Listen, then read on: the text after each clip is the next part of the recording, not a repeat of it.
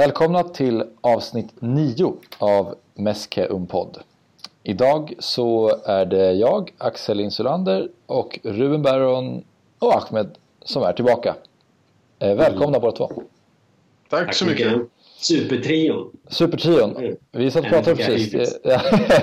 det är avsnitt 9 nu så vi har ändå kommit en bit på, på, på vägen. Om två veckor så firar vi 10 avsnitt. Det är otroligt. Otroligt. det känns, jag tycker det, det, vi är igång nu och det blir, näst, det blir roligare för varje gång vi pratar. Tycker jag. Mm. vi dyker direkt in i uh, Celta Vigo Barcelona.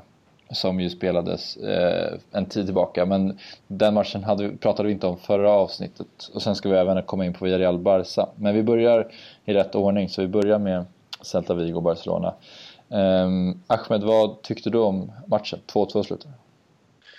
Ja, jag tycker en ganska intressant match måste jag säga. Uh, som de flesta matcher blir med Celta Vigo. Celta Vigo på så sätt känner jag de senaste åren. Man har lite känsla av att vi har haft lite svårt för Celta. Uh, mm. Mycket målrika matcher. Vi har haft Gudetti som avgjorde någon match. Vi tappar ganska onödiga poäng mot Celta Vigo. Jag tycker en sak som utmärker de matcherna är väl att uh, att vi har ett ganska bra spelövertag. Eh, I alla fall bollinnehavsmässigt och vi parkerar ganska mycket, eller vi parkerar på rätt sida, eller på rätt planhalva.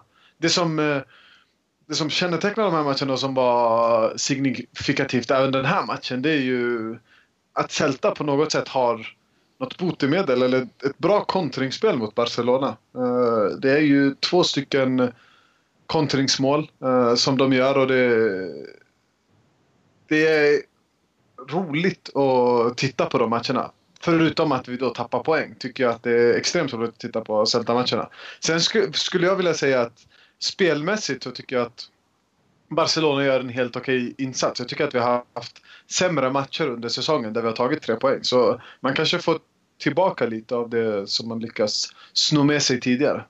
Mm. Mm. Ruben? Ja, ja, det är först och främst, det är precis som Ahmed säger, det är ett, Celta är ju med, kanske med undantag för Sociedad så är väl Celta ju spöklaget nummer ett sett i de senaste tre, mm. fyra åren kanske. Det, det, det är ju flera gånger har liksom fallit igenom ordentligt mot dem. Så det är ju det är alltid jobbigt att möta Celta. Men ja, sen håller jag väl med så tillvida att vi skapade väl tillräckligt med chanser i den matchen för att vinna. Men jag satt väl ändå och var ganska väldigt besviken på poängtappet såklart, men, men ganska irriterad matchen igenom. Jag satt och liksom jag tyckte att, det är lite svårt att sätta fingret på det, men jag tyckte att energinivån var ganska låg och jag satt och liksom, det, det, skulle ju vara efter de här poäng, poängtappen eh, mot, mot Valencia framförallt, så, så med, det var ju där och då vi skulle steppa upp lite grann och ta tre poäng tillbaka på banan, tillbaka till vinnarspåret. Och då förväntade jag mig ett större mått av energi i matchen och det, det, det fick man inte se tyckte jag. Sen som sagt, sett i matchspelen borde vi väl ha vunnit och vi kontrollerade väl dem helt okej okay, trots att de fick, som Ahmed inne på, ett, ett par tre omställningslägen som de var effektiva på. Men, så jag vet inte. Det, jag satt, eh, satt och var lite var ganska småirriterad matchen igenom. Ja, nej, jag håller med. Alltså, ja, det som ni har varit inne på, Celta, men framförallt har ju Barcelona haft svårt mot Celta Vigo borta. Eh, de förlorade ju för ett år sedan med 4-3 den här kaosmatchen. Och även ja, ja, för typ två... Ja, om det är någon match som, förlåt, om det är någon match som, som liksom eh, symboliserar sista säsongen med Enrico och det här ja. som pratade om tidigare, där öppna spjällen och ja. cowboyfotbollen som, när det gick lite för långt i det avseendet. Det är ju den matchen, det är den matchen jag kommer att tänka på först av allt alltid. En jävla, ja. jävla skitmatch. Ja, det var det verkligen. ja, det var det verkligen. Um, Nej men det jag, det jag kände är att den matchen mot Celta var väldigt lik väldigt, väldigt många andra matcher men det var första gången som det inte riktigt eh, eh var på Barcelonas, turen var inte riktigt på Barcas sida. Dels så Umtitis skada skedde väl i samband med deras eh, andra mm, mål. Eh, det var ju olyckligt i sig och sen att Barca hade två eller tre ramträffar eh, och många brända chanser. Det känd, jag vet inte, de skapade mycket men i många andra matcher känns det som att man har kommit undan med nöden öppe och man varit glad över, över tre poäng. Det kändes som att den här matchen kanske var det motsvarigheten till de matcher som inte, att vi inte fick med oss det den här gången. Mm. Mm. Så att den är väldigt, ja, jag håller med, jag håller med. Jag tycker, som ni säger, så Celta har ju egentligen det är två skott på mål som de har och, och man gör mål på, på de skotten. Uh, så att det är liksom så här, även om det är inte det Barcelona man vill se kanske. Vi, vi ska ännu bättre kunna kontrollera matcher. Man ska inte behöva släppa till sådana lägen. För tittar man på, på målen som tillfaller Celta så är det ju uppenbara målchanser också. Det är ju inte ett turskott som, eh, som Ter Stegen släpper mellan benen utan det, det är ändå bra skapade chanser. Mm. Och där tycker jag att eh, det, det, det, tycker jag ser ändå lite oroväckande ut det här försvarsspelet. Eh, men jag måste ändå säga att vi har kommit undan ganska billigt eh, flera gånger tidigare i säsongen. Så att någon gång var det väl dags att det skulle komma ikapp och då fick det bli två matcher i rad som vi kryssade. Mm. Mm, absolut, det har vi ju varit inne på många gånger också. Det här utfallet på säsongen är ju inte helt och hållet rimligt. Det är ju som ni säger på tiden att, att kurvan jämnar ut sig något, eh, planar ut något. Det, ja. Och det är ju, och det, ja, det, du pratar, ni pratar om försvarsspelet och vi pratar om kontrollen mycket och vi är ju alla överens om att, att Valverde har, har eh, fått till det ganska bra på mitten med hans taktiska korrigeringar och allt det där. Men det, det, eftersom vi är offensivt så tar man just nu så blir det att lagen skapar ju ändå omställningslägen. Jag tycker vi fångar upp merparten av omställningslägen ganska bra men det, ni vet, man vet ju hur det är. Liksom. Avslutar man inte sina anfall då, då, då skapas ju omställningslägen lik förbannat. Och det, mm. Och när, mot ett effektivt lag som Celta då, då går man därifrån med svansen mellan benen ändå. Vi går vidare till Villarreal-matchen som ju slutade 2-0 istället för 2-2 så det var ju bättre bara där. Vad eh, tyckte ni? Vad tyckte du Ahmed?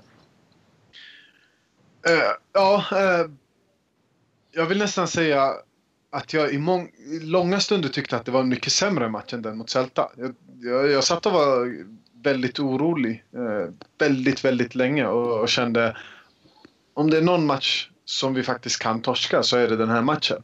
Um, sen så åker ju Villarreal på ett uh, rött kort. 60 minuten är det väl Dani Rabba som åker ut. Och därefter tycker jag att vi tar över matchen och, och verkligen så. Det var ju inte så att vi var tillbaka pressade när vi var 11 mot 11. Men det kändes inte som att vi riktigt skapade tillräckligt mycket chanser. Och i ärlighetens namn så tycker jag att eh, Villarreal också har ett par bra både omställningslägen och bra, eh, bra anfallskombinationer som gör att, att de faktiskt är nära att ta ledningar ett par gånger om. Eh, det tycker jag är lite oroväckande att, att det faktiskt inte blev bättre förrän det röda kortet. Sen efter det röda kortet så tycker jag inte att det är, det är något snack egentligen. Det, jag vet mål 10-12 minuter efter eh, och därefter tycker jag att vi kontrollerar matchen. Eh, men mm. återigen, lite mycket individuella prestationer som vi står och väntar på. Det är inte, eh, det är inte ett jättefint kombinationsspel som löser upp. Nu var det första målet faktiskt ganska fint. Men, mm. men det, det, det, är så här, det är många gånger, om man tittar sett över en hel match, så är det väldigt många gånger som där vi egentligen inte har någon tydlig anfallsidé. Och jag tror Eh, även om vi har fått mer stabilitet på mitten med Paulinho och Rakitic som har spelat de senaste matcherna så, så tror jag att det gör att vi blir lite ännu mer eh, stillastående och ännu mer stela i våra anfall. Och, och det gör ju att, ja, men som, eh, som Ruben säger, avslutar man inte sina anfall då är det mycket lättare att ställa om. Det är mycket, vi är mer sårbara om vi inte får några avslut på våra anfall. Och där, och där tycker jag att vi har ett väldigt stort problem. Även om jag nu på senare tid har jag lärt mig att gilla Paulinho och se det han tillför så, så är det ett stort problem att spela med både Paulinho och Rakitic. Mm. Ja, precis. Jag, jag, jag håller med om mycket det. Jag tycker matchen fungerar återigen som en, som en ganska bra... bra liksom, jag tycker den sammanfattar Barcelona ganska bra, eller Barcelona i år. Och det, det, det, Ahmed har ju rätt i att de skapar en del farliga omställningslägen som Ter Stegen eh, styr bort ganska bra ju, men eh, med det sagt så är ju Villarreal ett bra lag. Låt vara lite skadedrabbade just nu, men de är ju, det är ju ett riktigt bra lag till och med. Och med det sagt, eller mot bakgrund av det så tycker jag vi ändå kontrollerar matchen som, som så många gånger den här säsongen mot bra lag har vi kontrollerat matchen ganska, ganska bra. Men det, det, är ju, det är ju så, man låter som en upphakad, upphakad skiva lite men det, det är ju plågsamt tydligt att vi inte räcker till offensivt och, och skulle inte utvisningen ha, ha kommit då är man, man känner sig ju, och jag tror ni håller med, man känner sig långt ifrån säker på att Barca skulle ha löst det. Det var, det var väldigt svårt att... Det, det, för sig, med det sagt, vi hade ju kanske, hade vi inte två ramträffar i den matchen också, nu när jag tänker på det. Men det, det är lite ja, paradoxalt nog så ska vi skapa tillräckligt, kanske då, men intrycket när man ser på matcherna, från mig i alla fall, är att det, det känns ganska löst ändå framåt. Och att en, en, en rim, ett rimligt utfall eh, i en sån match inte är att Barcelona vinner. I alla fall inte mer än kanske liksom 7, 8, 5, 6 gånger av, 10 matcher. Och, sånt där. Och det är ju inte tillräckligt eh, bra helt enkelt. Jag tror ju att mycket beror på att Barcelona eh, allt, oftast nu är mycket bättre i andra halvlek. Att det är därför man också alltid lämnar matcherna med känslan att oj, där var det nära att vi inte tog med oss alla tre poängen. För att de är mycket bättre i, i andra. Eh, sen så, så länge, det, så länge de är det så är det ju eh, kanske inget problem. Problemet är ju att det händer verkligen ingenting i första halvlek och det är lite märkligt på något sätt. Jag kan inte riktigt sätta fingret på vad det är men det var som jag skrev när jag skrev om matchen att mm. det känns som att de de måste ta den tiden för att komma in i matchen. Problemet är att det är 45 minuter, alltså halva matchen det tar. Eh, så det har inte varit så alla matcher den här säsongen, men jag tycker att det har varit så i, i ganska många. Eh, och det känns, ja, det känns som, ett, som ett problem. Nu, nu tycker jag angående det röda kortet att det var säkert, det är klart att det påverkar massvis, men bara de, de fem minuterna innan det, eller fem tio kanske, då tyckte jag ändå man såg en, en stor skillnad från, från första halvlek när Rakitic och, och Suarez båda två kom in lite i banan. Och Jordi Alba och Sergio Roberto kom upp eh, betydligt högre. Eh, och det är ju först då som Barcelona lyckas sätta den här eh, höga pressen. Så att jag tror att det röda kortet var nog katalysatorn för hela den, liksom, den stora pressen som sen kom. Men eh, Barcelona de tar ju sig successivt upp ett steg ju längre matchen lider, är min upplevelse. Ja, det är ju liksom en, en, det är ju det får man ge Valverde, det är ju en, en effekt av att vi har liksom stabiliserat mittfältet och tagit tillbaka bollinnehavet på ett, på ett så bra sätt. Då blir ju lag trötta på ett helt annat sätt än, eh, på ett annorlunda sätt i alla fall än, än från förra säsongen. Så det, det, är inte, det är inte helt konstigt att, att man liksom nöter, nöter nederlag på, på det sättet. Nej, nej, nej, det har man ju sett förut, men då har det ändå börjat från, från första minuten. Nu känns det som att första halvlek så mm. var det ändå ganska mycket fram och tillbaka. Visst, Barcelona hade väl 65% av bollen havet eller något sånt där. Men eh, det, det fanns inte den tydliga pressen. Sen tycker jag, alltså man har ju eh, astronomiska krav på det här laget och om man kollar på Villarreal-matchen, de skapade ju några chanser men det var ju egentligen ingen chans, kanske en i första som var verkligen en, en riktigt bra möjlighet för Villarreal. Eh, så jag tycker att defensivt bra, eh, eller väl, väl godkänt liksom. Och eh, mm. offensivt inte bra i första men det är, så, det är svårt att prata om andra halvlek eftersom man inte riktigt vet hur mycket det röda kortet påverkar. Jag tror Barcelona hade vunnit ändå men eh, kanske inte med 2-0, kanske med 1-0 och det hade varit betydligt mer nervöst i alla fall.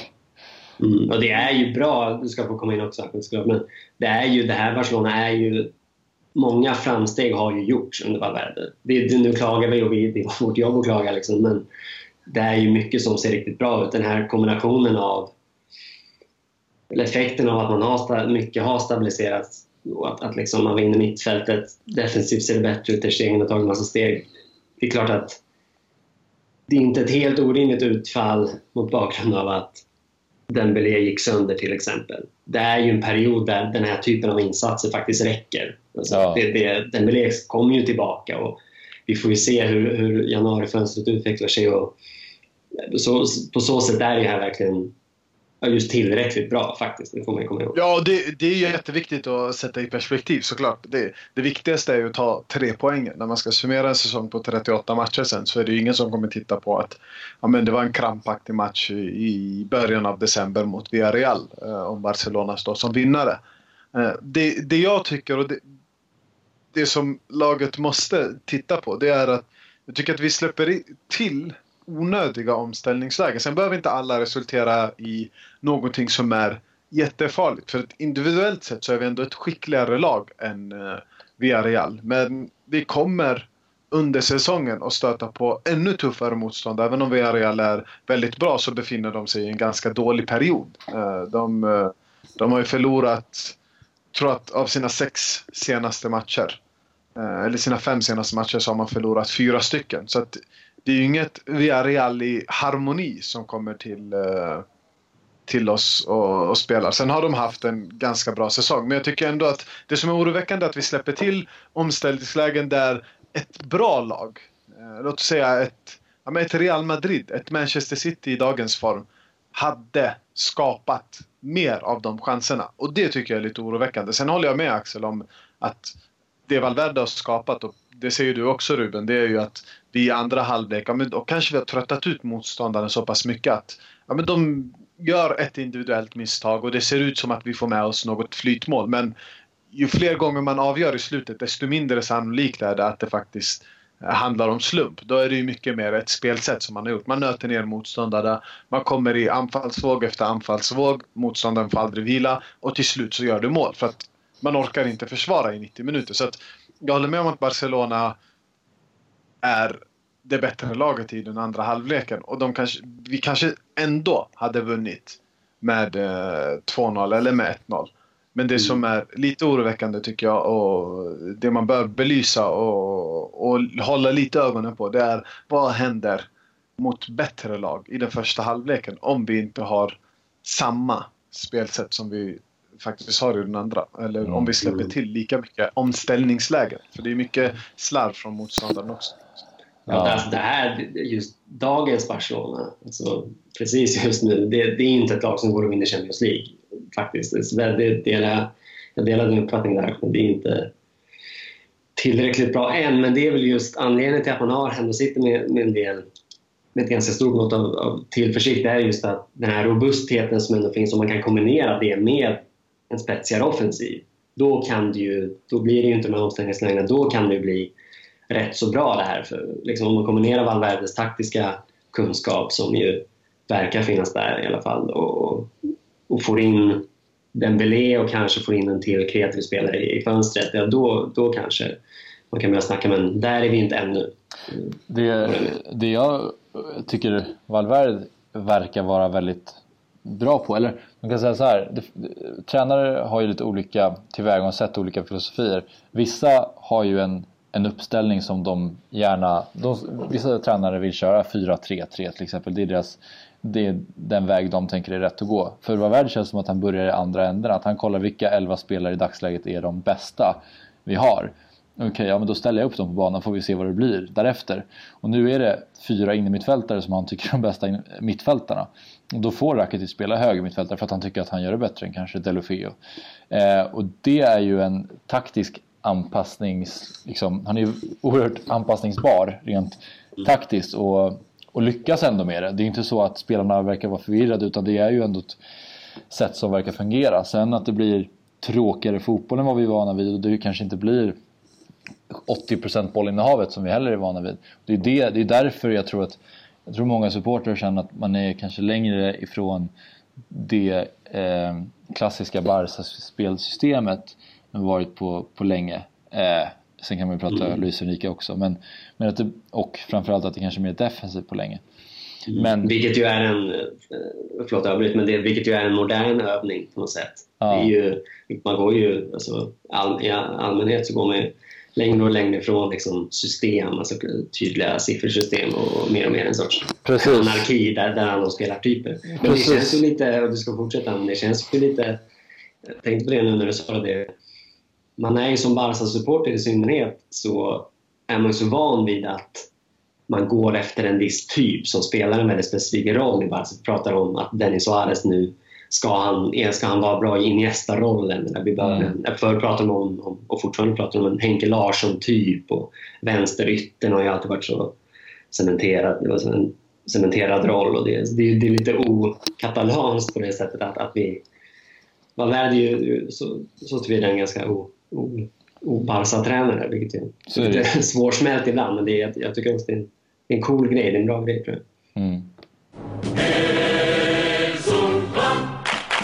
Avancemang och gruppvinst i Champions League. Barcelona kommer möta Chelsea som vi ju har gjort ett antal gånger förr och det finns ju vissa möten som man minns med glädje och vissa som man inte minns med så mycket glädje. Fernando Torres på Camp Nou till exempel. Ja, um, Ahmed, vad, vad, känner du kring uh, Chelsea? Ja, eh, jobbigt skulle jag säga. Eh, ja, vi, vi har ju hyllat Valverdes eh, taktiska flexibilitet, det är ju den vi är inne på. Eh, och jag skulle vilja säga att eh, ja, det finns några uh, få övermän och där tycker jag bland annat att Antonio Conte eh, är en av dem. Sen har Conte inte varit jättebra på spelet men jag tycker att man såg i EM i Italien att, eh, att Spanien som spelar, eller spelade ganska Barcelona-eskt hade ganska stora problem med Contes fotboll. Och jag tror att det kommer vara på samma sätt för, för Barcelona nu. Jag tror att Conte är ganska bra, eller Conte är bra på att strypa ytor. Conte är bra på och vill ha det här omställningsspelet. Och jag hoppas verkligen att vi inte går in i någon Conte-fälla. Att eh, Valverde är så pass taktiskt smart och flexibel som han har visat sig vara i början av säsongen. Så att vi går in med eh, med lite mindre naivitet. För att vi har inte det Barcelona som vi hade tidigare. Det kommer inte vara ett lag som, som rullar ut Chelsea om vi har Paulinho och Rakitic på mitten. Det, så kommer det inte fungera. Jag tror att vi måste bli lite mer pragmatiska i vårt spelsätt för att, för att ta oss vidare. Det är lite tråkigt att säga såklart, men, men det är den vägen jag tror man måste ta. Jag tror att Chelsea kommer vara en riktigt, riktigt tuff lottning. Och det av de lag som vi kunde få så, så tycker jag faktiskt Chelsea var ett av de värre. Om inte kanske till och med det värsta. Mm. Mm. Eh, ja, ja, nej men det känns ju tufft alltså på förhand. Det är väldigt tufft. Jag försöker tänka att det kunde varit Bayern München som jag ändå håller högre än Chelsea på något sätt. Men, eh, nej, men som han in både taktiskt så passar ju Barcelona ganska väl, vilket ju känns jobbigt. Eh, men, men jag tror väl, eller hoppas på som, som Ahmed att, att vi tar med oss den här, eh, den här eh, robustheten och den här pragmatismen in i, i dubbelmötet. Och jag, gissningsvis så tror jag det kan att bli två ganska tillknäppta matcher, ganska lite mål och ganska... Jag tror som sagt Barca kommer inte att blåsa på jättemycket. Det, det, inget talar för det i alla fall. Och det, det, så följaktligen kan det ju bli en, en, liksom, någon typ av ställningskrig där Barcelona kommer att hålla mycket boll. Chelsea kommer att vara nöjda med det, men Barca kommer inte heller blåsa på så jävla mycket att, det kan, att de kan släppa till så mycket bakåt. Det, det, mm. Jag vet inte, jag kanske sätter men jag ser framför mig ganska ett ställningskrig, något typ av ställningskrig. Nej, men jag tror också att det kommer bli ett ställningskrig. Och det är ju såklart en supertuff lottning, men det som talar för Barcelona är ju dels att jag tror att det här är en match som, där, vi, där det är bra att vi har Valverde. Om man jämför med till exempel om vi hade haft Luis Enrique då känns det som i den Hawaii-fotboll som han kunde spela eh, och sen ha liksom en kontrande Morata, Hazard, William, Pedro mm. mot sig så känns det som att då hade de blåst oss av banan. Eh, det här kommer ju på förhand bli en mycket mer låst, eh, ett låst dubbelmöte med framförallt nu när Valverde är tränare. Ehm, men det tror jag, och sen så tror jag det som också talar för Barcelona är att fortfarande så tror jag Chelsea har en enorm respekt för Barcelona och mm. förhoppningsvis också då kanske inte känner att de vågar blåsa på för mycket och ge Barcelona det utrymmet som de behöver för att rulla boll. Ehm, det, när, när Barcelona möter lag som är mer skoningslösa och inte så, som är lite mer respektlösa i sitt spel så är det tuffare. Men de, sen är det svårt att ta sig igenom vissa som parkerar bussen. Eh, och där kan det ju såklart uppstå en hel del problem. Men jag tror att det, det kommer bli låst men eh, jag tror att Barcelona går vidare. Och nu sitter man ju och småhoppas på en, ett korsband på Hazard. ja. ja, alltså egentligen så, så här, jag, det lät kanske lite som att man... Det är klart att man skräms av eh, Chelsea och, och, och tycker att det är en ganska tuff lottning med tanke på att man vinner gruppen. Men eh, men jag tror absolut inte på något sätt, jag tror precis som Axel, jag tror inte på något sätt att det är en omöjlig uppgift. Och, jag tror ändå att vi får gälla som lite favoriter, kanske 55-45 någonstans. Mm. Uh, för Chelsea, det är inte förra årets Chelsea och framförallt så är Alvaro Morata inte Diego Costa. Uh, nu kommer jag säkert få svälja det och Morata får göra 15 mål på. Men, men, men jag tycker verkligen inte det. Jag tycker han har, han har sett ganska trubbig ut. Chelsea har haft problem i Premier League. Chelsea har haft problem i Champions League. Och, och mycket hänger, om vi säger att vi är väldigt beroende av individuella prestationer så skulle jag säga att mycket av Chelseas spel hänger på Eden Hazard. Eh, I alla fall i offensiv väg. Mm. Så, att, så att det är inte på något sätt omöjligt. En uh, formsvacka för Hazard.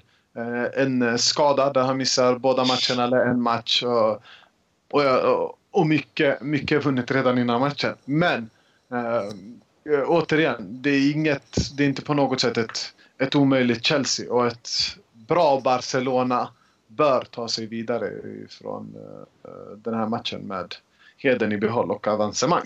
Mm. Mm. Jag, det är väl... Ja, fortsätt. Men du, säg vad du skulle säga. Nej, men jag tänkte på Ahmed jämförde Costa och Morata. Jag håller, håller Costa som en, håller honom som en bättre fotbollsspelare, absolut. Men känns det inte som att i omställningsspelet så, så kan Morata komma att bli ännu farligare? Jag minns det här målet han gjorde även om det mot, mot Bayern München, mot Bayern München ja. i CL-kvartsfinalen. Så jäkla snabb! Ja, han har, den, han har ju den strängen på sin lyra. Ja. Så jag, jag flaggar lite för, för hans eh, fart i djupled när det finns yta framför honom. Men i mm. övrigt så tycker jag också att Costa är, Costa är en bättre fotbollsspelare. Nu så tänkte jag att vi ska bara eh, granska de övriga matcherna i Champions League.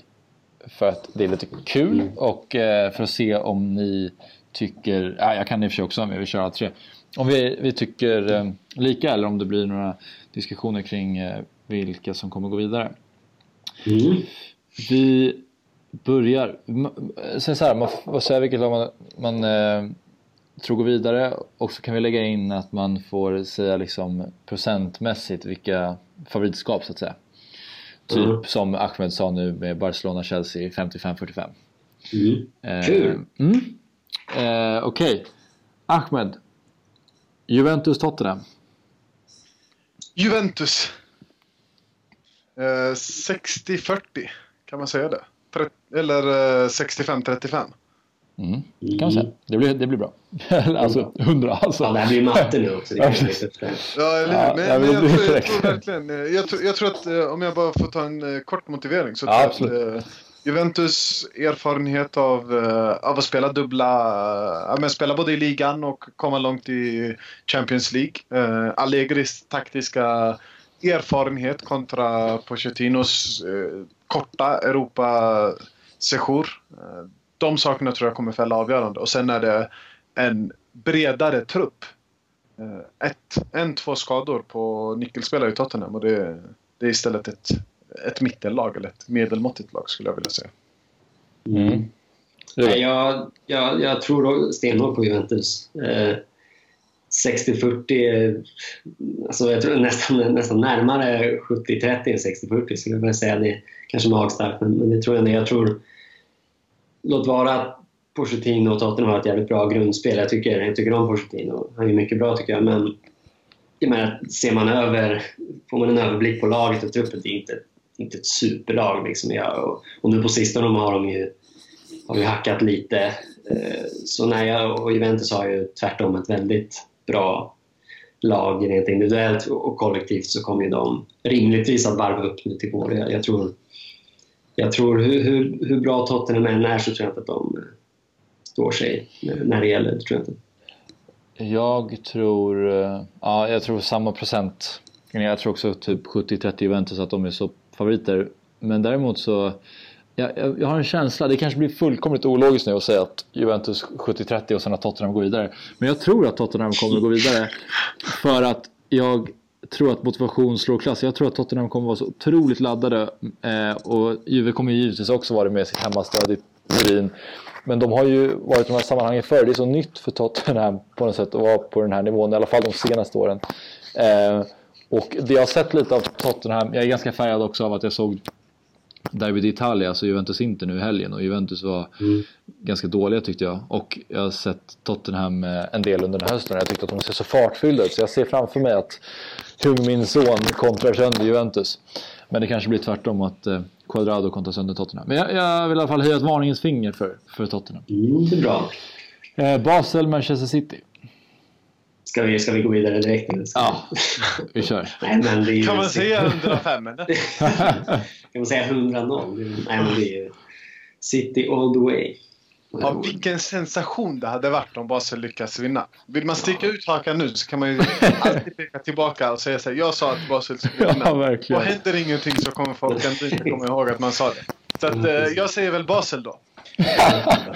Basel Okej. vinner. Kom ihåg vad ni hörde det först. Ja. Då sticker jag ut hakan och säger att City vinner. Kom ihåg Ja. vad ni hörde det först. Ja. Nej, det är alltså... Ja. Nej, vilken sensation det hade varit. Mm. formtoppar Vilken- som det ser ut just nu. Alltså, City hade ju kunnat komma nästan i vilken form som helst tror jag. Och, och slå Basel. Det, det är ju Mm. inget lag som ska ha Man ska, med inte, man, ska inte, Man ska inte glömma att de har faktiskt Alexander Fransson på, på mittfältet. Eh, Fransson-effekten. Den väl hörd. Ja, Ja, Han är mittbänk spelar han väl? jag, jag Han är tror ju det. inte... Vänster ibland. Ja, eller hur? Han är ganska Porto. bra tycker jag för övrigt. Jag, Fransson, jag tycker det är lite synd. Jag tycker Ja, också att ja, det är det en bra är bättre spelare. för honom. men Han intressant är en, spelare. ja, fin, fin spelartyp alltså. Vi, eh, vi väntar med Fransson-diskussionen till nästa Mm. avsnitt. När vi har ingenting att prata om. Då landar vi i Alexander Franssons framtid. Eh, Porto-Liverpool. Oh. Eh, jag kan väl börja. Jag, om man börjar med procentsatsen. Jag Liverpool ska väl betraktas som favoriter såklart, men mer än 70-30 tror jag väl inte. Alltså, 70-30 då, säger jag väl. Jag, jag tror väl att Liverpool har en otroligt hög höjd offensivt. Eh, Det är ju sen gammalt liksom, men med, med Salah och Mané och Coutinho Ja. allihopa. Men, men de är ju, och jag är sannerligen inte först på bollen än, men de har ju brister defensivt och, och det, de har ju en tendens att liksom falla igenom eh, på grund av detta. Det. Så, så nej, jag skulle inte räkna bort Porto helt och hållet. Som ju har, har en del fina spelare. Framförallt han Brahimi Mm. tar väl fortfarande en tröja där. Han är ju, jag alltid, Ja. alltid tyckt att han är riktigt bra. Alltså. Mm. Ja, han är jätte, jättefin. Om än lite ojämn då. Ja, kanske. Riktigt sån där spelare som, eh, ja men lite som eh, Riyad Mahrez i Leicester. Att, eh, Han har, Mm. kan göra många riktigt, riktigt bra matcher om man undrar var, eh, varför är du i Leicester? Och sen så blandar han det med matcher där han är lite för anonym och mycket så här Första dribblingen sitter den och första passningen sitter. Då Mm. kan han leka med vem som helst. Och Mm, skulle han missa det så, så blir det. Så att, eh, nej men jag är väl inne lite på... Det är klart att Liverpool är favoriter. 65-35, 70-30 någonstans där skulle jag sätta det. Eh, riktigt bra offensiv och jag tror tyvärr för matchen då så tror jag inte att Porto är tillräckligt bra offensivt för att såra ett ganska dåligt Liverpool-försvar. Eh, men Porto är ju inte de som är kända för att eh, slå massa inlägg och göra tio hörnmål per säsong. Mm. Och man utgår ju från att Coutinho är kvar i Liverpool då. Ja, eller hur? Ja, Eller hur? Det gör man är väl? ja, ja. ja. Fan, vi löser Eh. honom inte i januari tyvärr. Det blir sommar. Nej, nej, det blir till sommaren. Och jag tycker, jag tycker nästan att det, det är mer eh, rättvist mot honom också.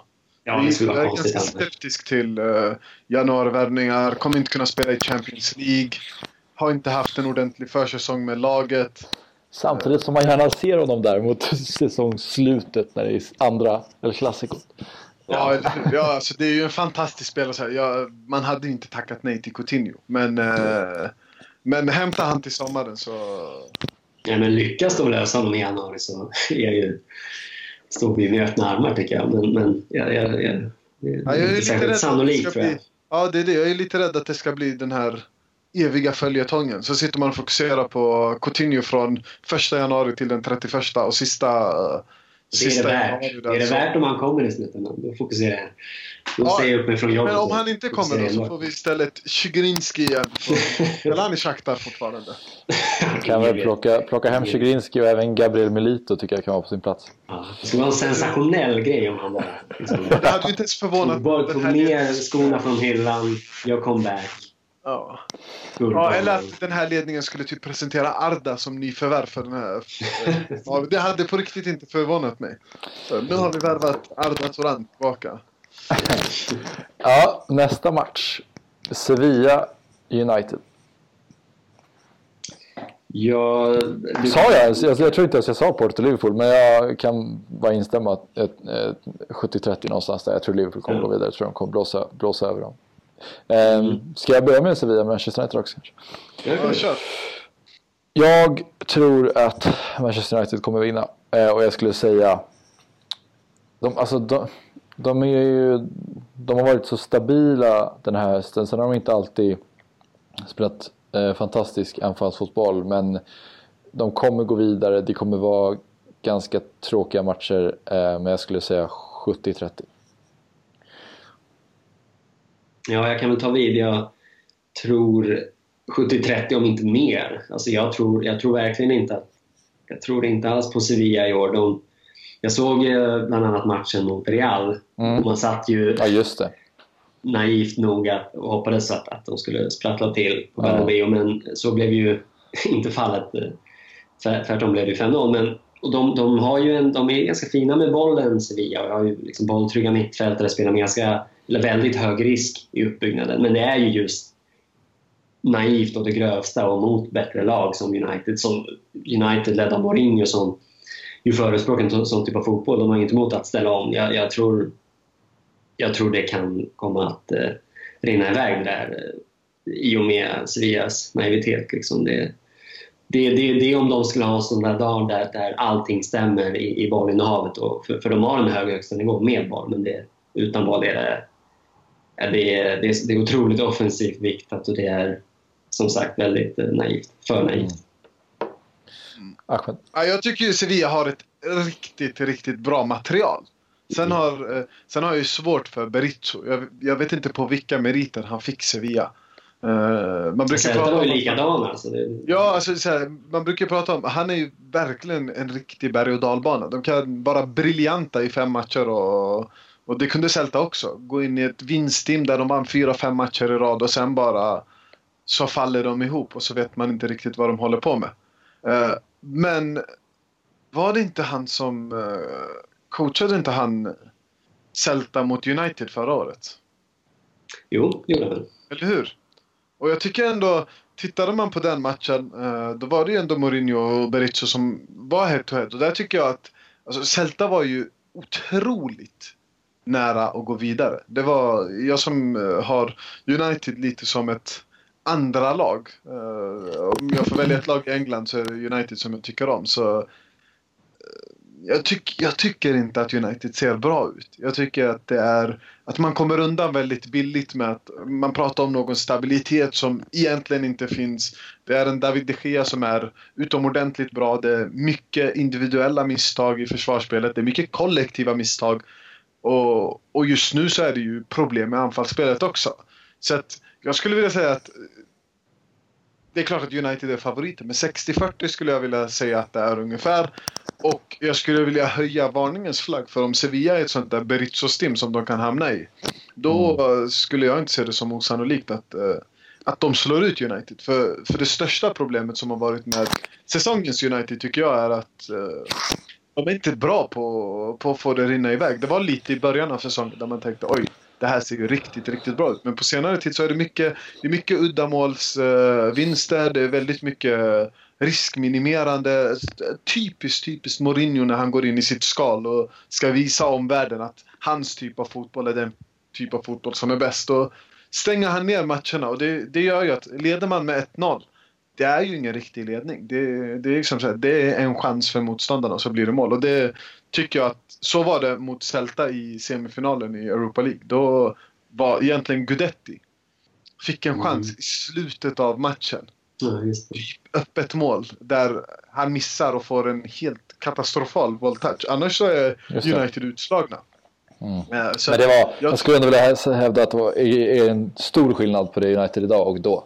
Dock. Ja, definitivt. definitivt. Det, är ju, det är ju ett bättre United i år. Det är ett mer stabilt United. Men jag tycker, jag tycker faktiskt inte att United är så bra. Och jag, jag har svårt att se, även om de tar sig vidare ifrån Sevilla, så har jag svårt att se att de, att de kommer gå mycket längre.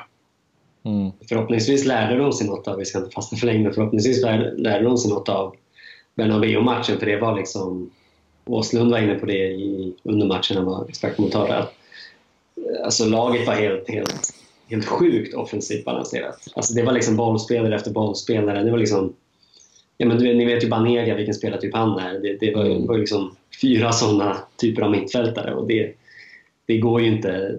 Så kan man ju bara spela till en viss nivå, sen måste man Ja, och, och det är ju det som är Berizzos problem. Att det, Ja, är, så här, det, det är nästan allt eller inget. Det, man kommer in i ett steam, då kan man ta fyra, fem segrar eh, och, och man liksom bara flyter. Och sen så, men det är ju ingen riktig, så här, det, det är ingen spelidé som lyser igenom. Det är inte, det är inte ett genomtänkt Sevilla. Sevilla är ju annars ett utomordentligt kupplag och har vunnit flera Europatitlar. Och jag tycker, så här, tittar man spelmässigt så, så är det bland de bättre Sevilla-upplagorna. Det finns väldigt många bra spelare och man har kryddat det med, eh, med att hämta hem alltså väldigt här, stabila spelare. Nolito tycker jag är, är helt okej. Jesus Navas. Ben Yedder har varit strålande i Champions League-spelet.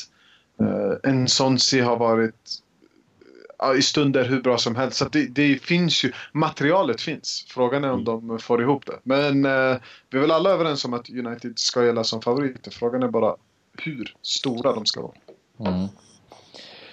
Eh, Real Madrid PSG matchen med det stora M den matchen som det har pratats mest om. Vad Mm. säger du Ruben? Ja, man satt ju och mös när, när, de, när det blev eh, Real Madrid och PSG. Ja, det det gjorde man. Det kändes bra. Alltså, det, eh, men eh, nej, det, det blir ju så, det blir väldigt spännande att se hur, var Real står då. Alltså, vi är väl alla överens om att de har en växel till och att de troligtvis kommer att ta till den växeln vad det lider. Men jag vet inte, jag, jag, först och främst tror jag väl att det kan komma att bli en liksom cowboy, cowboyfotboll deluxe. Det, det kommer att svänga rejält. Vi vet ju alla hur öppna Real är. Det, det är liksom i deras DNA att inte ha någon, någon Något DNA? någon, ja, men, exakt.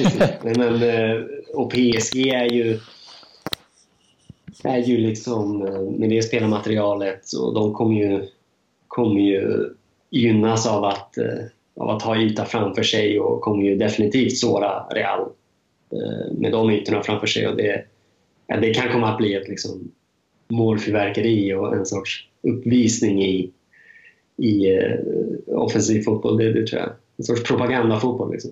Och sen kommer man ju, sen, sen vilka som vinner, ja det 50-50 skulle jag betrakta det som ändå, men jag tycker väl att eh, just med tanke på Reals eller det faktum att Real alltid blottar sig en smula och att PSG har de spelare de har offensivt, Mbappé, Neymar. Jag, jag tror väl ändå att jag har svårt att se att eh, PSG inte skulle få hål på Real flera gånger om. Så av den anledningen så, anledningen så sätter jag väl pengarna på PSG.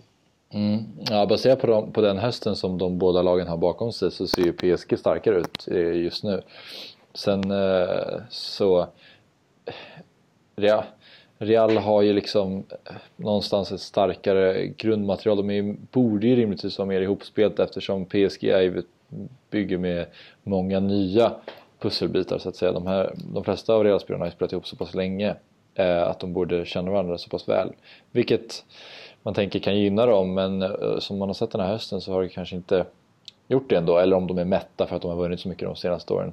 Jag vet inte. Men jag tror som du, som du är inne på Ruben att eh, det kommer bli förhoppningsvis så kommer det bli en otroligt roliga, två roliga matcher som, Mm. eh, som givetvis PSG förhoppningsvis då vinner i slu- i slutändan.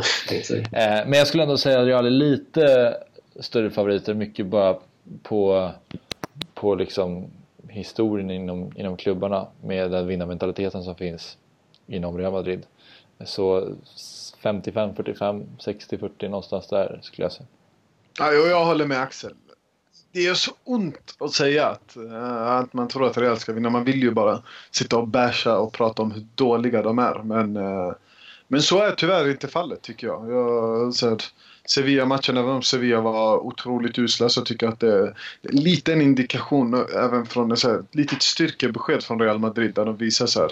Men vi är fortfarande med i matchen. Och jag, jag tror att Real är ett eller jag tycker att Real är ett bättre, eh, bättre lag än PSG. Och jag, tror, jag tycker alltid det är problematiskt när man som PSG spelar i en liga som, som inte är konkurrenskraftig. Man kan, visst, visst kan man argumentera för att de eh, kan vila spelare, det är inte lika slitna spelare, men det är också så att man går ner lite i intensitetsnivå om du ska möta Bastia eller Amiens eller något sånt där. Eh, något lag där, där man vet att du kommer gå, gå hem med segern oavsett vad som händer egentligen. Det, det är nog svårt, tror jag, att bara så slå om. Och jag tycker inte att eh, PSG har sett så imponerande ut. Eller de har sett jävligt imponerande ut. Men det jag inte tycker det är väl att de har inte satts på riktigt prov. Eh, det är en match som jag tycker har varit så riktigt, riktigt bra. Det är första matchen mot Bayern München. Man spelar en andra match, andra match mot Bayern München som egentligen inte spelar någon roll. Eh, man har typ säkrat gruppsegern men då vinner man inte. Så att, har PSG testats? Eh, och det är väldigt mycket kvar till säsongen. Jag tror att Real kommer skruva upp och då, då är jag nog inne på 60-40 Real Madrid. Men såklart, mm. man hoppas ju och håller alla tummar och tår och allting som man kan hålla för att Real ska åka ut. Jag vill, jag vill också förtydliga lite. Jag, jag, jag håller ju definitivt inte PSG som världens bästa lag, vilket man kanske kan tro som jag, jag nu satsade på, på PSG. Men jag, jag tror just att, att rent taktiskt så tror jag att Real passar PSG som handen i handsken. Jag tror att jag ser inget lag som... Så det har, även när Real har varit som bäst förra året, de har ju faktiskt varit bäst, mm. Eh, så har de, man har ju alltid suttit och närt en förhoppning att fan, om, om motståndarlaget bara är lite mer lite, håller, lite kyligare så finns det en yta där. Mm. Och jag tror bara att även om... Eh, jag tror som sagt att, att rent taktiskt så, så kan det komma att bli... Eh, jag tror att det kan komma att passa PSG perfekt. Alltså, så av den anledningen snarare än att jag håller PSG så otroligt högt. Mm. Jag jag kan, mm. Men det, då har det, säkert, det ligger säkert väldigt mycket i det, det tror jag också. Eh, nu betar vi av de två sista matcherna så återgår vi sen till lite mer Barcelona-surr. Shakhtar mm. mot Roma. Ruben? Ja, jag har inte så järnkoll på något av lagen. Roma ser ju bättre ut än på länge. Och det gör väl Shakhtar också i och för sig. Eh, jag såg faktiskt City-matchen. De hade ju City lite B-lag, men då var Shakhtar riktigt bra. Men, men nej, jag, jag tror väl att jag, jag, jag, tänker väl att Roma går vidare. Jag tänker väl att det är dags för dem att få lite framgång i Europa. Det känns som liksom den naturliga post-Totti-grejen. Att de så fort Totti lämnar får någon typ av, hur jobbigt det än har varit, så att de får någon typ av eh, luft under vingarna eh, på grund av det. Så Roma säger jag nu. Ja. Eh, Ahmed? Ja, jag säger också Roma. Eh, Shakhtar är inget dåligt lag. Eh, men Roma vinner en grupp med Atletico Madrid och eh, Chelsea. Eh, och eh, Shakhtar placerar sig förvisso framför Napoli men jag tycker ändå att det är ett styrkebesked eller ett tecken på, på hur bra man är när man tar en gruppseger framför Atletico och slår ut Atletico Madrid. Det, det tycker jag är ett riktigt styrkebesked. Mm. Och ja, det enda som som kan stoppa Roma i den här matchen är väl eh, kylan i... De spelar ju inte i Donetsk, det är Lviv de spelar. Jag vet inte exakt vad de spelar men uh, kylan uh, i Ukraina uh, i uh, kallt februari.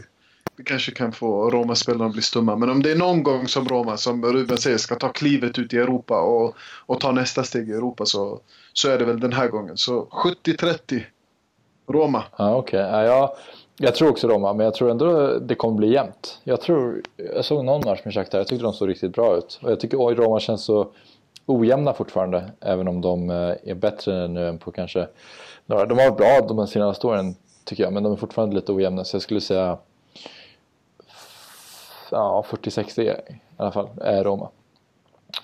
Eh, Bayern München besiktas. besiktas. Mm. Nu, det är många som flaggar lite för Besiktas och säger att de är visst att räkna med att de minsann eh, minsann ska, ska göra turkisk historia här. Men, men jag, jag, vet inte, jag har svårt att se att de skulle slå ut Bayern München. Jag vet inte. Jag, Bayern München har ju alltjämt ett riktigt bra lag och de, de likt Juventus, likt Real har väl en växel till i sig och jag tror att den, vi kan komma att se den i vår. Mm. Vad säger du för procent där? 50? Alltså, ja, 50, jag kan, 50. Ja, men, kanske, ja, men, säg 70-30, 80-20 något sånt där. Jaha, okej, okay. du är ändå besiktat så mycket. Eh, ja, det, det, ja, de har ju faktiskt sin grupp och har ju spelat riktigt bra. Det lilla jag sett och enligt vittnesmål och sådär. Men, nej, men 80-20 då, det tycker jag. Mm, ja, ja. Nej, ja, det är sant. Ja, de, eh, de vann ju faktiskt gruppen. Eh, Ahmed? Ja, jag kan ju inte se att eh, Bayern München förlorar det här. Hade det varit något annat lag, hade de eh, lottats mot ett Roma, hade de lottats mot ett Tottenham, eh, så hade jag nog gett Besiktas större chanser. Men jag skulle vilja säga 90-10. Bayern München eh, är ett av världens bättre lag. Det är ett stabilt lag. De kommer inte släppa till allt för mycket chanser och kommer framförallt inte lämna det åt slumpen. Det är inget lag som slarvar utan det är lite som en maskin som, som går in och, och gör jobbet och fortsätter nöta trots att det står 2-3-0. Så att eh, jag säger 90-10 eh, och mm. ger typ Besiktas ingen chans alls.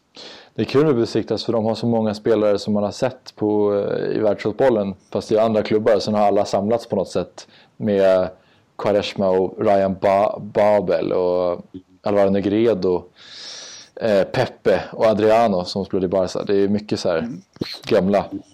Ja, det är ett roligt, det är ett roligt lag att titta på. Det, det är inget Namnkunnigt lag, men eh, ja. Eh, nej, men jag, jag har inte sett dem så mycket så jag kan inte riktigt uttala mig så. Och eh, de vann ju faktiskt en grupp så de kanske är mycket starkare än vad jag tänker. Men jag, jag skulle nog också sätta kanske 90-10 där någonstans. En klassiker. Real Madrid-Barcelona 13.00 dagen innan julafton. Eh, perfekt uppladdning inför julen. Den enda julklappen man behöver det är en Barcelona-seger. Ja, precis. Vad eh, spontana tankar innan vi, innan vi avslutar podden? Ahmed, tror du att det oh, blir seger? Vilken, tror du att det kommer jag, jag suckar ju nästan lite. Jag, äh, vilken ångestmatch. Uh, vi har ju byggt upp hela den här säsongen har ju varit lite av en uppbyggnad till det här. Man visste att man skulle gå vidare från Champions League. Det var en fråga om ska vi ta första eller andra platsen bakom Juventus. Eh, det blev en första plats så vi hamnar framför Juventus och har haft en bra start poängmässigt på ligasäsongen. Man har åtta poäng ner till, eh, till eh, Real och befinner sig lite i en liknande situation som City befann sig nu när man skulle spela mot United. Och, och jag känner ju att kan vi ta tre poäng då kanske, kanske vi har spelat ut Real Madrid eller, eh, ur uh, guldstriden. Uh, jag tror fortfarande att Atletico kommer tävla, jag tror fortfarande Valencia kommer tävla. Men tre poäng nu och jag känner att uh, Real Madrid har blivit lite avhängda och kommer få det otroligt kämpigt även om vi hamnar i en, i en större svacka. Men jag känner ju inte heller att vi har för laget eller spelet för att vi ska att man ska gå runt och tänka att det kommer bli tre poäng. Jag vågar inte ens säga att vi ska ta tre poäng. Om jag ska vara helt ärlig. Jag hoppas. Och, och, och med Messi i laget och med Suarez som kan blixtra till lite då och då även om han inte har sin supersäsong så, så, så kan man ju, så hoppas man ju såklart. Så att, eh, jag hoppas på en Barca-seger. Även om det inte säger jättemycket, det förväntar sig alla väl. Men eh, hoppas på en Barca-seger och framförallt så hoppas man på att vi inte får eh, säsongens första förlust. Mm. Ja, nej men eh, jag har väldigt svårt att säga att vi skulle ta tre poäng. Eh, jag tror inte heller att Barca kommer gå för det på det sättet. Det är klart att, klart att man alltid när en förhoppning, att de när en förhoppning, att vi när en förhoppning att, att det ska bli tre poäng. Men jag, mot bakgrund av Supercupen-matcherna där vi föll igenom ordentligt, mot bakgrund av tabelläget, mot bakgrund av det faktum att vi alltså mot bakgrund av hur det har sett ut i år för Barcas spel, med tanke på Valverdes, det han har bidragit med och så vidare, så tror jag att Barca kommer att försöka kontrollera matchen i så hög utsträckning som möjligt men inte gå framåt med särskilt mycket folk utan det, det kommer ju vara att liksom hoppas på att Messi och Suarez ska hitta på något. Vilket de mycket väl kan komma att göra såklart. Men eh, ja, jag tror att Barca kommer vara liksom better safe, safe than sorry. Liksom. Det, det, tror jag definitivt. Så, så nej, ingen, jag tror inte på någon propagandafotboll där det kommer svänga som det gjorde i fjol i maj när, när de ställdes mot varandra. Då var det ju riktigt sådär Enrique-böljande. Det tror jag. Ja, men vilken avslutning där, det blev på den Ja, vilken match. Liksom. Det är en, en, en grym match och en, en liksom, historiskt mässig insats. Men jag, jag, tror, vad matchbilden beträffar tror jag på något helt annorlunda. Vilket jag också tycker är, om än lite, lite tråkigt, så, så tycker jag det är rätt väg att gå. Det, det, vi leder ju faktiskt ligan med en bred marginal. Och, Nej, varför inte safea lite? Det är dags för Barcelona att parkera bussen, är det det du säger? Nej, nej men, ja, men fast med bollen, det är ju den stora skillnaden. Vi, vårt sätt att parkera bussen mm. är ju att hålla i bollen ja. och inte gå fram med så många människor. Och det tycker jag är helt fine vad gäller liksom Barca, identitet och så vidare. Det, ja, ja, det är lite tråkigt, man önskar att man kunde kombinera det med en flygande offensiv, men hellre ett, en liksom parkerad buss som bara kör handboll mellan ja. varandra än ett, ett Enrique Barca som bara du vet, flyttar upp alla och kastar taktiken över bord. Liksom. Så en parkerad buss med, med bollen inuti, inuti bussen. Ja, och jag tror jättemycket så som du säger att jag tror att Barcelona verkligen kommer typ gå för en poäng. Alltså Real Madrid har ju så mycket att spela för. De måste haka på. Det blir en sexpoängsmatch för dem. Ehm, de har ju varit dåliga under hösten. Jag tror att de vill bevisa att de ändå är bra och, och det är ju såklart El Clasico så bara grundrivaliteten är ju så enorm. Och om man jämför med den match eh, just som ni var inne på när, när Barca vann på, på Bernabéu i våras.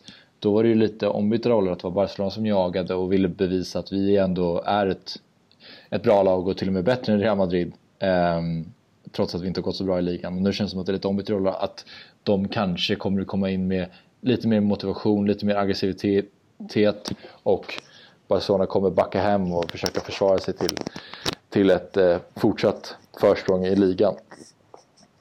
Eh, och det, är ju lite, det gör ju lite ont att höra det. Att, eh, så att man, att man tänker, och jag håller med båda, men det gör ju lite ont att man går runt och tänker, känns så Real Madrid-aktigt eh, på något sätt. Att, att man kommer in med ambitionen om så här, vi ska hålla avståndet. Man hade ju velat att vi går in och bara spelar skjortan av Real Madrid och man kan känna sig superstolt och leva på det resten av året. Även om det inte kommer vara mycket kvar av året då. Men äh, ja, det, jag håller med Jag tror, jag tror absolut inte att vi äh, att vi kommer gå för segern om, om det står 1-1 i, äh, i den 80 minuten. Då, då tror jag att det blir... Det är klart att man alltid kommer ha en ambition om att försöka göra mål. Men det kommer ju vara väldigt riskminimerande. Och det är ju lite tråkigt att, att till och med vi har blivit så. Ja, men som sagt, ja, om vi kontrollerar matchen, det, det är en ständigt pågående diskussion det där är, är Barcelona, är Valverdes Barcelona Barcelona? Liksom det. Och jag, jag tycker ändå det. Jag, det är klart att man sitter och väntar på de där kombinationerna offensivt men så länge det är bolltrillande och så länge det är bollinnehavsorienterat och det grövsta liksom, då, då ser jag inte då ser jag det som bara en lite sämre upplaga av Barcelona. Ja. Inte ett, ett liksom Barcelona som inte är sig själva rent identitetsmässigt. Nej. Det är bara helt enkelt så att vi inte är så lika bra just nu på det vi gör. Men vi ja. försöker ändå göra det på, ett, på något sätt. Det, det, det är inte liksom att man Alltså, bara hastigt byter inriktning eller byter väg. Liksom. Det skulle vara problematiskt på riktigt. Så det. det här är bara en, en sorts liksom, svacka helt enkelt. Vi avslutar där. Tack för att ni har lyssnat. Ni som har lyssnat, ni får gladeligen skicka in eh, mail och eh, förfrågningar och respons så att vi kan eh, utveckla den här podcasten. Det vore kul att veta vad ni tycker. Eh, om det finns saker som vi missar att prata om eller om det är saker som ni vill att vi ska prata mer om till exempel. Jag tänker att Ahmed, du brukar ju vilja efterlysa en viss spelare. Ja, och det är som sagt återigen. Var är Arda Turan? Han kom in i mitten av eh, podden också den här gången. Man vill ju hitta Arda Turan. Så att eh, jag är uppriktigt orolig. Jag har sagt det tidigare, men eh, vi måste hitta Arda Turan. Spelar han fotboll? Eh, finns han kvar? Har han flytt till Turkiet? Är det någon som, eh, som är släkting? Någon som känner Arda Turan? Skicka en bild på Twitter. Eh, det är nästan så att vi har kommit till, eh, till den stund där vi, där vi delar ut ett pris till den personen som, eh, som hittar Arda Turan. Så att hittar ni Arda Turan så kan ni twittra mig så lovar jag att, att du ska fixa något pris. Jag läste någonstans att han har haft tandproblem. Tand? Nu skojar jag inte. Utan ja, att det var, han har haft någon typ av tand. Han missade Han ett hål. någon typ av tandgrej. Liksom. Jag kan ha fel. Ni får gärna googla och rätta mig. Men jag, jag vill minnas att jag läste något om tand. jag ska kolla det. Arda Turan missar matchen på grund av tandsten. Jag glömt att rensa lite. Eh, det, var, ja, det var tråkigt för men då får vi hoppas att han eh, går till tandläkaren helt enkelt. Tandtråd. Det var ju, det var ju fantastiskt kul om, om man såg matchen på söndag mot Deportivo och så, och så har han en Deportivo-tröja på sig och han plötsligt gjort en snabb övergång och spelar mot oss. Mm. Och en jättetandställning. Exakt. ja, det var jättekul. Okej, vi, vi avslutar där. Ja, vi, vi hoppas att Arda dyker upp så, så snart som möjligt. Tack för att ni satt här och pratade med Tack mig. Paşa! Paşa! Paşa!